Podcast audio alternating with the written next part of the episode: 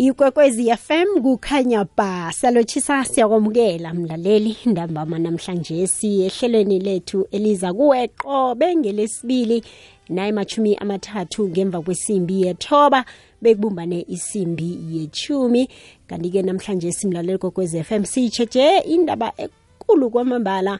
Ngiba ukuthi ubeke indlebe ibizo lami ngingu-tk nduli unamgwezani. Ihlelo lethu lihleleke kuhle khulu kwamambala. Umvezi walo nguye utate sikhosana umswako nolenga. Eh wangale ngebhundu ini. Sisoke-ke mlalelo kokwezi FM hlala ubeke indlebe. La sitsheje khona-ke indaba yokuphila ngalokhu onakho. Ungafuni izinto ezingaphezu kwamandla akho. Ngokuzama ukulingisa mhlambe impilo yabanye abantu. Konke lokhu umlalelo kokwezi FM sizabe sikuzwa ngophindile msiza kazi yena-ke umphathi kinasa ikampani ebizwa ngesipho sethu sihle consulting kuye-ke ozosilethela insombululo mlalelo kokwezi FM bonakazi sisize kanjani? Eh, nangumuntu uyabona ukuthi udosa nzima. Hlangothini-ke eh, le mali? Akanamali ela eyaneleko kodwana-ke ufuna ukuphila eh, impilo engaphezu kwemali le anayo. Uthole sekangena enkolodweni eh, mhlambe-ke sekaboleka imali nendaweni ezingakafanele into ezifana nalezo mlalelo kokwezi FM eh, asitholeni ilwazi elihle elizosifundisa ukuthi sizilawula njani imali zethu siphila njani ngalokhu esinakho. Sihloko sethu-ke lesi sisiphetheko kumlalele kokwezi FM ngiba ukuthi ubeke indlebe kovala umhatsho njenganje. Kuzokuthi ngokuhamba kwesikhathi-ke sikunikela ithuba nawe ukhulumisane nathi ngokusidosela umtato ku-086 000 3278 ngiyayibuyelela inomboro yethu yomtato ithi 086 000 3278 phimbo umgadangiso uligadangisa ku-079 413 2172 ngiyayibuyelela inomboro yephimbo umgadangiso ithi 079 413 2172 kula uthindana nathi khona mlaleli kokwezi FM angamukela isithekeli sethu uphindile msiza. Ngiyakwamukela namholozi uvukile. Akwande thithini njani sivukile nivuka njani ngapho nina? Awa nathi sivukile ngithathe leli thuba ngilothise nomlalelo ekhaya. Sithokoza khulu kwamambala ukuthatha isikhathi sakho sesiphindi uzidime nje ubuthongo. Neminye imisebenzi akho eminingi ebefuze thana uyayenza ngalesi sikhathi kodwana-ke wakhethe ukuthi-ke uze kumlaleli kokwezi FM uzomthulela ilwazi umuphe nensombululo ehlangothini-ke lezemali.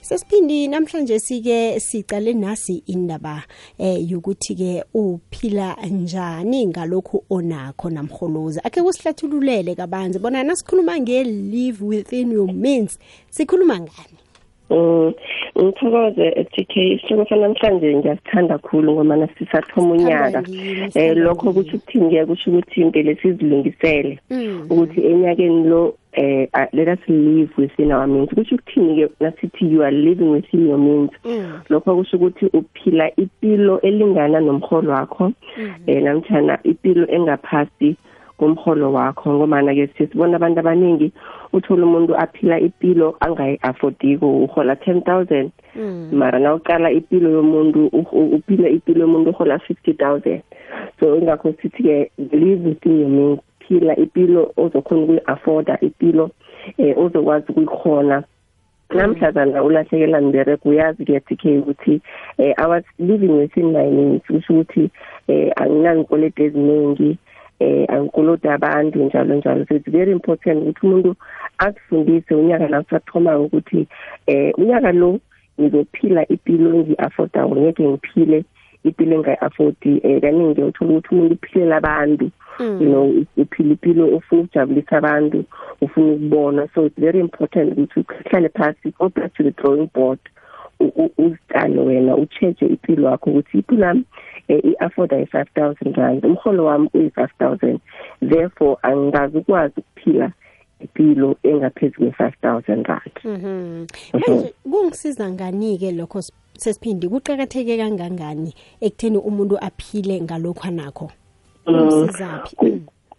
Kuqakatheke kakhulu TK ngoba na uphila impilo oyi-affordable namkhana now live within your means kusho ukuthi eh uphila impilo enganangikwelede awukweledi umuntu eh siyasibona-ke uthola ukuthi umuntu unenkwelede eziningi um usebenzele isikwelete nakuphela inyanga eh, ubhadala isikwelete so nalokho-ke it has been shown statistically ukuthi abantu besewula africa sithanda iy'nkwelete kusho hmm. ukuthi um we get paid only to service iy'nkwelete zethu so uyahola uholela iy'nkwelete uvuka ekuseni ukhwela ibhesi hmm. uyokusebenzela isikwelete nakuphela inyanga ubhadala iy'nkwelete kuphela awuna-savings awuna-investment so when you live within your means kusho ukuthi you are going to be debt free awunasikweleto ozospecte nande sikhunjuzwa ngazo cobe nyanga ukuthi ibhadele iy'nkwelete zakho so okhunye-ke um uzokuba ne-stress esiless semali Mm.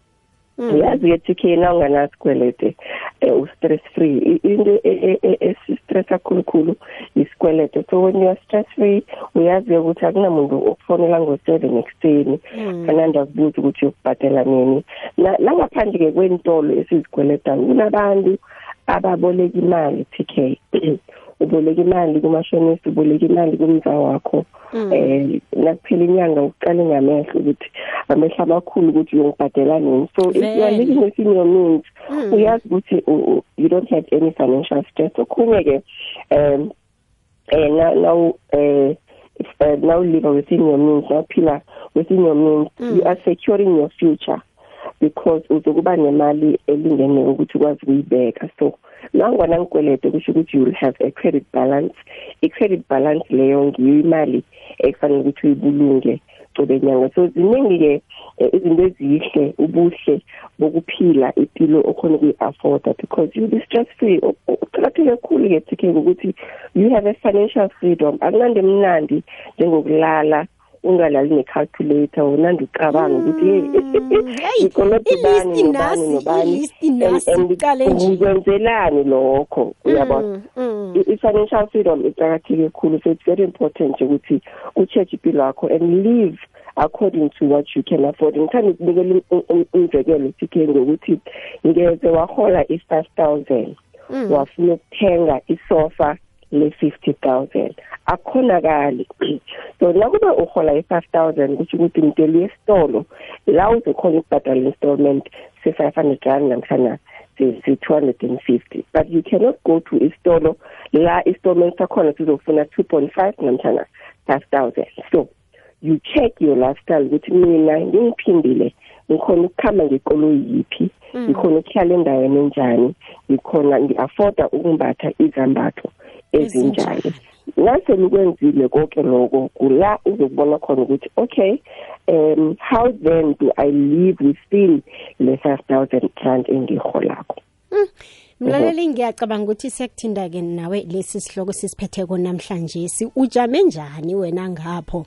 Ingakhani mhlambe-ke umholo oholako uyakhona bona-ke usebenzise kuhle ungaqali izinto ezingaphezu kwawo na? Khuluma nathi mlaleli nangabe unomraro khona usesiphindile msiza uzokupha insombululo inyeleliso akuphandlulule ukuthi usize kanjani na umuntu esele ujwayele waziko ukuthi-ke uhola imali encane kodwana uyakatelela eh ukuthi ke uthole izinto ezibizako ezokuthole sezikhama inkolodo zakhona. So uboleka imali ukuthi ubhadele esinye isikolodo engombana ke uphila impilo engaphezulu komholo wakho. Siyeleliso sisiphethe namhlanje simlalele kokwezi FM siyawubawa ke wakho umbono siyawubawa wakho umbuzo ku 086 0003278 079 413 2172 inombolo inomboro yethu eh WhatsApp leyo la ugadangisa khona iphimbo lakho ukhulumisane nathi usitshele ukuthi ke wena ke ujame njani ehlangothini ke eh lemali zakho. Uyakhona na ukuphila ngalowo mholo onawo. Na hayi ngizwe bathi ke abantu abahola abahola khulu angazi ngabanjani ngabahola malini. Kodwa nabathi hey labo kudisana ukuthi balawule imali. Kodwa nalabo abathola nje encazanyana ngazi encazana leyo imalini. Mm-hmm. kodwa nabathi ke uthola umuntu akhona akhona ukwenza izinto ezihle ezibonakalako nezivuthiweko begodi uthole anganankolodo umuntu wakhona. Iye. Manje ke njenganje sesiphindi ngizokuba ukuthi eh sikhambe msinyazana siyokuthengisa. Emva kwalokho ke masiceda ukuthengisa kulake siza kubuya kodwa siragele phambili nenkulumo yethu. Ahake. Ikwekwezi fm kwandebele namaphethelo 93.8 fm 90.6 fm naku-104.1 fm kukhanya ba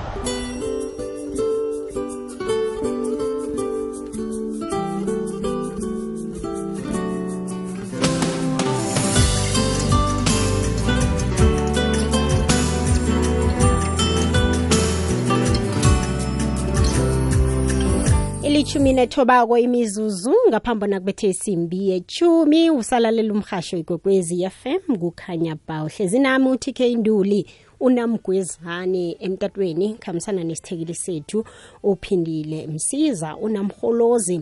Sitsheje indaba eqakatheke khulu kwamambala mlalele gogwezi FM ngiyathemba ke ukuthi ke nawe ufunda litho likhulu kile ndaba esiyiphetheko namhlanje. Siyenza isiqinisekiso sokuthi uyazibandakanya ngokusidosela umtato ku-086 0003278 079 4132172 indaba yokuphila ngalokhu onakho. Ungafuni izinto ezingaphezulu kwamandla akho mlaleli kokwezi FM ngilokho esikhuluma ngakho namhlanje esihlelweni lethu lezemali. Zijame njani wena ke zakho ehlangothini lezemali? Uyakhona na ukuthi ke ngaloyo umholo owutholako wenze lokho okukwanelisako okukuthokozisako na sesiphindi asiragele phambili ke nomlalelo kokwezi FM khe ngazi ke bona ngemva kobana sele ngazi ukuqakatheka kokuphila ngalokhu enginakho ngithoma phi Mhm. namkha ngithoma njani ukuphila ngalokhu enginakho Mm. kuqakathekile TK ukuthi um okokuthoma change your mindset you know sithi kumlaleli eh, change indlela obona ngayo imali yakho nje ngithi ke imali yakho kufanele ukuthi isebenzele wena. Wena ungasebenzeli imali yakho ingani ngitsho njalo ngoba imali yakho emdele isize wena nakuphela inyanga. So i-mindset ne-attitude yakho uthi imali yakho uyibona njani kuqakatheke khulu. Okwesibili ke TK ukuthi eh mdele wazi indingo zakho eh kunama wants wakho. Sikhuluma kakhulu ngama needs nama wants and ngiyathanda ukukhuluma ngama needs nama wants unyaka usathoma nje ukuthi eh you need to prioritize ukuthi kuyini okuqakathekile ukuthi ngithenga ukudla eh namhlanje ngithenga ama takeaway ukuthi ngithenge eh, izembatho ezilingene i3 months or 4 months namkhana ngithenge i-expensive brand engizoyimbatha ngoba ngifuna ukujabulisa ubani ezongikhosta 5000 so it's important ke wazi ukuthi lokhu kuyini lokhu kuyi-want and prioritize what is more important. But ukuqakatheke khulu ukuthi yenza isiqiniseko ukuthi imali yakho isebenzela wena. Eh let us not do things ukujabulisa abantu namtshana ukubona. So change your mindset and your attitude and know ukuthi kuyini eqakathekileko ngiyakuzwa ke mina sesiphindi usasho njalo ukuthi okhunye ku- ku- zenzathu ezingenza bona ke ungahoni ukuphila ngalokho okuna- onakho ukuthi u- ufuna ukujabulisa abanye abantu Mhm. Yeah. mhm. I- injalo TK um izindzathu ezenza ukuthi ugcine umuntu sekaphila i- i- impilo angayi-affordiko ukuthi eh abantu abaningi bavumela i-peer pressure ngengithi ke i-peer pressure TK akusiyo abantwana besikolo kuphela. Nathi abantu abadala sinayo i-peer pressure. I-peer pressure uthole sowusifake kuyo ngomana you always want to compete nomakhelwane wakho. Ufuna ukukhompyutha ne-TK ufuna ukukhompyutha ne-colleague wakho. Ucolleague nakathenge i- i- ikoloyi ye-fifty thousand na uyayifuna. But we, we always forget ukuthi ama-priorities wami no-TK awalingani. Yes we can earn the same amount of money nakuphela inyanga but ke ama-priorities wethu awalingani. So ukuthi u-TK eh akanamntwana akasi-breadwinner aka- aka- akanankinga ye- ye- ye-black tax. So wena-ke unabentwana eh uhlogomela uma ubhadelela abantwana bakasesakhe esikoleni so but you always find yourself ufuna ukukhompyutha na someone you know. Okhunye-ke um kunabantu TK abathanda ukuthabisa abantu eh ama-people's pleasers. Babiza ukuthi ma-people's pleaser you always want to please abantu ufuna ukubonwa um nakuneminyanya um ujamela bonke bafike. Phambi kokuthi ufike wena. Then ungene-ke sikubone ukuthi oh, umbethe inyathelo elithize enja. ethize ukuhamba ngekoloyi ethize. And uthola ukuthi ikoloyi leyo uyihayarile akusingayo yakho. Yes. uyabona? Uyihayarile because you, you want to give a false impression ukuthi mina ngiphila impilo right. eh siyazi ukuthi uTK uhlala edrobheni but asikwazi ka TK kungani? Ngoba uTK nakafika ekhaya utshela abantu ukuthi yena uhlala edrobheni because kune certain a picture endele babone ngayo uTK ukuthi how TK uyazikhona. So abantu abanjalo sabiza ukuthi ma people pleasers so okhunye ke TK ukuthi eh uthola ukuthi so nenkwelede eziningi kunabantu njengoba ngitshilo ukuthi umuntu usebenzele isikweleto so you are taking from Paul ukuyobhadala uPeter. So every month wena useyinkweletheni umbethe ama brands nje umbethe amatekadurayo nje sikwelede. Ukhamba ngekolo ekulu e4 pipes isikwelede. So uthola ukuthi unenkwelede eziningi nalokho ke kuyenza ukuthi ugcine sewuhlala usenkweledeni because you want to maintain a certain lifestyle. Ufuna ukubona uphila impilo ethize so i-lifestyle nayo ke it's important ukuthi uyicheche kunabantu ke TK eh umuntu uyasaba ukudowngrade ngombana um usaba ukuthi abantu bazokuthini. Yes you can no longer afford ukukhamba ngekolo ethize awusakwazi ukuhlala endaweni ethize. Abantwana bakho abasakwazi ukufunda esikoleni esithize. Bara-ke uzo uzoyiforce impilo leyo because you want to maintain a certain lifestyle namhlanje ufuna ukumaintaina a certain standard. Because once udowngrade kuzokuthiwa uwile eh, abantu bazokukhuluma ngawe. Okugcina-ke tk kakhulu thina abantu abadala sinenkinga yokuhala uhalela into uhalele uhalele impilo yomuntu ungazi ukuthi ufike njani lapho. Nalokho-ke kuyakwenza ukuthi ugcine sowufuna ukuphila impilo engasiyo yakho ongakhona ukuyi-afforda. So ziningi iy'nzathu ezingenza ukuthi umuntu agcine sekazifake enkweledeni agcine sekahlala endaweni angakhona ukuyi-afforda because there's a certain lifestyle that you want to maintain. So kungakho um ngiye ngithi-ke nasikhuluma ngesihloko esifana nalesi go back wenze i-self introspection check your lifestyle. Checka ukuthi ngihola malini. What is it engakhona ukuyi-afforda and what is it that i cannot afford? If awukwazi ukuyi-afforda ilise uthi ngona ukuthi akusiyo yakho isikhathi sakho asikakafiki. So do what you can afford. Kune kune quote engiyithandayo TK ithi do you yenza wena yenza okhona ukuku-afforda ngempilo yakho nangemali oyithola cobe nyanga? Babhlungu khulu-ke kithi abantu bengubo nanyana bodade ugqina sowuzilahlela nebantwini ebangakakufanele iye injalo TK injalo. eh ngombana you want to maintain a certain lifestyle. Amalanga lababiza ngokuthi na slay queen eh slay queen there's a certain lifestyle nayo empela ukuthi asimaintain. Banye benza inzipho benza amashiya benze inhluthu njalo njalo. Amalanga la ku December lo betrend ama lace week. I lace week leyo uyimaintain nayo. So if you can't afford it ngithi gundela inhluthu kale nophindile usigundela inhluthu uyeneshothe yakho because uyasazi isikhwama sakho and ne priorities yakho uyayazi ukuthi kuyini okucakathekile empilweni nami uphila ubunguwe bakho ngendlela ungayo. Awukateleli ukuthi uphile. Impilo ibona iphilwa ngomunye umuntu. Hm mlalele kokwezi FM into nje esengi phoqa phoqako lapha ke yi WhatsApp yami. Eish yangiphoqa ke mlaleli kokwezi FM ayifuni ukuvula ngincenca bezikhulu ke ngakulelo hlangothi. Ngiba wakhe sido seumtato ngapha ku 0860003278 ke sibone khona ke ukuthi ngeze savuthisa na. Sesiphindi ekhe siyogunyamathe msinyazana dadwethu sizobuya sirakele phambili nenkulumo yethu.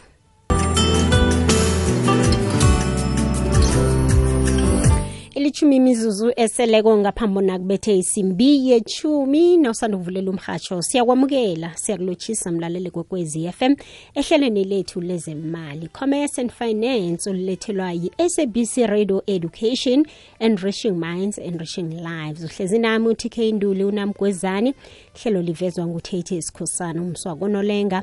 Sekeli sami emtatweni nguphindile msiza omphathi wekampani isipho sethu sihle consulting. Nguye-ke osipha inyeleliso osiphandlululako mlalelo kokwezi FM la sitshetshe khona indaba yokuphila ngalokhu onakho. Ungafuni izinto ezingaphezulu kwamandla akho. Yikho-ke esikuphetheko namhlanje simlaleli besingathanda-ke nawe ukuzwa wakho umbono. Sizwe ukuthi-ke wena ihlalela njani indaba le? Ngahani ngehlangothini lakho lezemali eh uhlele njani uphila njani ngalokho okutholako? Eh ngahani mhlambe na unomraro oqalene nawo ukuthi-ke nawe ngomunye othanda ukubukwa. Angazi khani khani mhlambe ngikhuluma ngiyibeka kumbi sesiphindi. Njalo abomboneni abo ya. Iye umuntu lothanda ukubukwa uthola umuntu uhlule ngisho ukuthenga ihembe lomntwana wesikolo. Elibiza imadlana nje engatsho ukuyapi kodwana wakhetha ukuthi eh ayokuthenga amagogosi. Wemali ephindwe kabili nehempe leyo ukuthi nje bambone ukuthi amagogosi la ngiwo wegama lela elithi elithi. Bathi bafuna PK hayi bakwethu ayisiyo leyo siyayikhalima-ke thina namhlanje silalele kokwezi FM khulumisana nathi ku-086 000 ya vane ngizibuze ngithi eh kwenye nenye indawo ukhona umuntu onjalo sesiphindi ya umbone umbone. Umbone kuthi ngemva kwesikhathi esithize hey kuphele konke lokho. Eh sekunguye ozonanda kujamisa kubawa yegwayi nanyana ke eh yawani nyana elimakhaza. Asifuni mlaleli impilo wakho ukuthi ifike lapho eh sifuna ukuthi ke wakheke ehlangothini lezemali esesibindi akhe sirage nayo njalo ke sisalinde umlalelo kokwezi FM mhlambe ngiziphi inyeleliso ongayelisa ngazo umlaleli ezingamsiza kakhulu bona ke aphile ngalokho anakho automatic ngingayelisa umlaleli ukuthi eh know your number yazi ukuthi uhola malini uspenda malini on a monthly basis. Nawazi inumber zakho sokuba lula ukuthi wazi ukuthi this i can afford and this i cannot afford. Okhunye-ke um stick to your monthly budget. Nalokho-ke ngiyacabanga ukuthi mhlawumbe ma-enzekeni esizayo sinande sikhumbuza abalaleli the importance of a monthly budget. Kuqakatheke kangangani ukuthi uhlale phezu kwehlelo lakho lenyanga? Um okhunye thikheke ukuthi let us not keep up with the Jones. Nasithi keep up with the Jones sisho ukuthi asikesilise ukulandelela izinto ezenzeka kuma social media eh kuma Facebook kuma Instagram because those things um TK abanye ke benza because nabo they cannot afford baforce ipilo bafana nawe uyabona? So you can't always compare yourself ufuna ukufana nabo because you don't know ukuthi bona benza ngani ukuthi bafike lapho. And and also surround yourself nabantu abangazi ukufakela i-peer pressure abangazi ukufakela i-pressure i-financial pressure abangazi ukwenza ngazi ukuthi wena you cannot afford impilo yakho or kumele ukuthi ufane nabo because bona bagcoka izembatho ezithize bakhamba ngenkolo ezithize. So surround yourself nabantu abalingana nawe eh abahola mhlawumbe imali elingana neyakho lapho ke uyazi ukuthi angeke uzube ne-pressure. Okunye um because siyayifuna sonke imali TK and kune lifestyle sonke sithi ukuthi singayiphila. Nakube uyazithola ukuthi wena mina hey imali engiyiholayo leyincane therefore angikwazi ukufinyelela la ngifuna ukuya khona. Eh zenzele i-side hustle have an extra income ozokwazi ukuthi eh izokusiza ekutheni ungagcini sozifaka sosesikweledeni ngombana ufuna ukuphila lifestyle ethile. So iba ne-side hustle eh sebenza thengisa tohatoha nawe wazi ukuzenzela imali yakho kokugcina-ke ukuthi eh khe silise ukuzilinganisa nabantu. Stop comparing yourself nabantu ungazi ukuthi benza njani. Thina silove nje futhi ke abanye abantu bayabereka ngaphandle. So you don't know ukuthi umuntu naka nasishayisako eh ngo-five o'clock e-SABC abanye bayaphi. So you need to stop comparing yourself because awazi-ke ukuthi um bafinyelela njani lapho. So to, to live within your means TK akukafanele ukuthi kube buhlungu kuwe. Akusikule yinto efanele ukuthi ikudisibeze kube buhlungu because isiza wena ekugcineni. So uh, but if you have a proper planning if ever mhlawumbe ukwazi ukuzikhalima then it's easy ukwenza lawo ma-adjustments uh, uphile ipilo ongakhona ukuyi-afford but let us stop comparing ourselves. Let us stop ukulandela izinto ezithenda kuma-social media because nalokho um kusifakela a lot of pressure sigcine sesifuna ukwenza izinto esingakhona ukuzi-afforda. Hake uzokele sesiphindi ngabe mhlawumnye ke zomnotho zona zithinta kangangani impilo siko yomuntu Mm.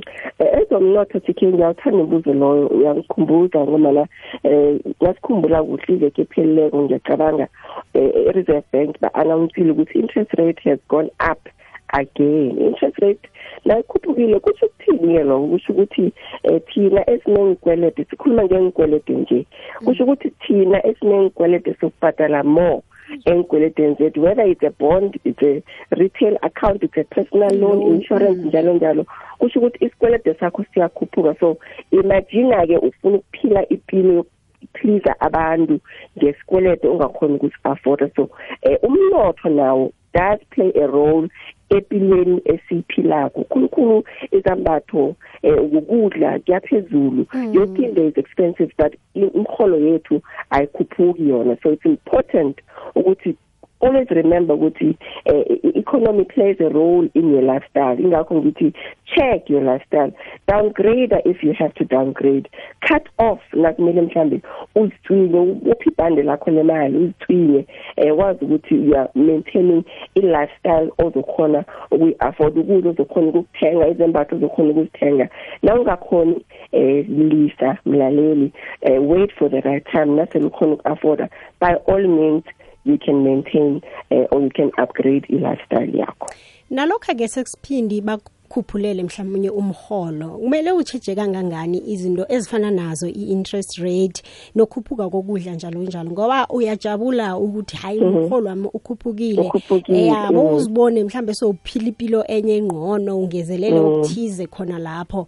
Ngaphambi bona mhlambe ke usebenzise leyo mali leyo bakhuphulele yona mhlambe kokhunye. Mhlambe uthatha isikoloto noma ufuna ungezelela ezinye inkoloto phezulu kwalezi unazo cakatheke kangangani bona ke uqale lezo zomnotho ukuthi zijame njani zona? Uh Tithe that's a very important question. Ngiyacabanga nje ukuthi um umlaleli ekhaya kufanele ukuthi akwazi akhambe nako namhlanje namhlanje alale nako namhlanje ukuthi lesi akusiso isikhathi sokuthatha inkwelede eh kodwa ke isikhathi sokusetila sokusula zonke inkwelede onazo because in 3 months time or 4 months time chances ukuthi interest rate izokhuphuka. So this is not the time soku-accumulator inkwelede but isikhathi sokwehlisa sokunciphisa sokusula inkwelede zakho should you happen? Ukuthi uthole increase ye-five hundred rand now nenkwelede settle your debts. Now unganankwelede thatha imali leyo and invest it. You get a good interest because now the interest rate has gone up. Usho ukuthi now ne-investment i-investment yakho izokubonakala. So thatha imali leyo um ubhatala inkweleto zakho namhlanje uyisave. But let us not take more debt than what we have now as cancelling inkweleto zethu sihle khulu inyeleliso osipha zona sesiphindile. Bengibawa njenganje usitshele inomboro zomtato. Sikuthola phi-ke nasesikufuna nabangifuna bangangithola ku-zero six nine seven two zero eight three eight one. Ithi ngiyibuyelele. Iye. Zero six nine seven two zero eight three eight one. Ngiyatholakala nakufacebook if you need information aha-ke sesiphindile sithokoze khulu kwamambala ilwazi lokho sabele lona. Um nawe-ke sikufisela ichudu ngakuwe. Sithokoza khulu kwamambala ukuthi godwa uthome nathi eminyakeni omutsha eyi besele ngithukiwe ngithi kanti uyephi ngiyathokoza Ngithi kanti usithalile na? ekhaya ngithokoze nakumbezi wehlelo uthethi khosana ngithokoze khulu. Aha-ke hayi uyamomotheka-ke uyamazi uzithandela ukuhleka wona. Ngiyamazi. uyamomotheka uphakamisa nesandla. Hayi siyathokoza sesiphindile ube nobusuku obuhle dadewethu ngithokoze. Aha-ke mlalele kokwezi FM lihlelo lethu lezifundo commerce and finance olulethelwa yi-sabc radio education. Emoyeni bolhatshelwa ngu-tk induli unamgwezani umvezi walo nguthethi sikhosana umswa konolenga wangale ngebhundu ini kanti-ke namhlanje simlaleli-ke besitsheje nasi indaba yokubana uphila njani ngalokhu onakho? Sifunde litho likhulu-ke emlalele kwekwezi FM engiyathemba ukuthi ilwazi esilitholileko sizalisebenzisa. Usiphile uphindile ngisiza ilwazi asilisebenziseni.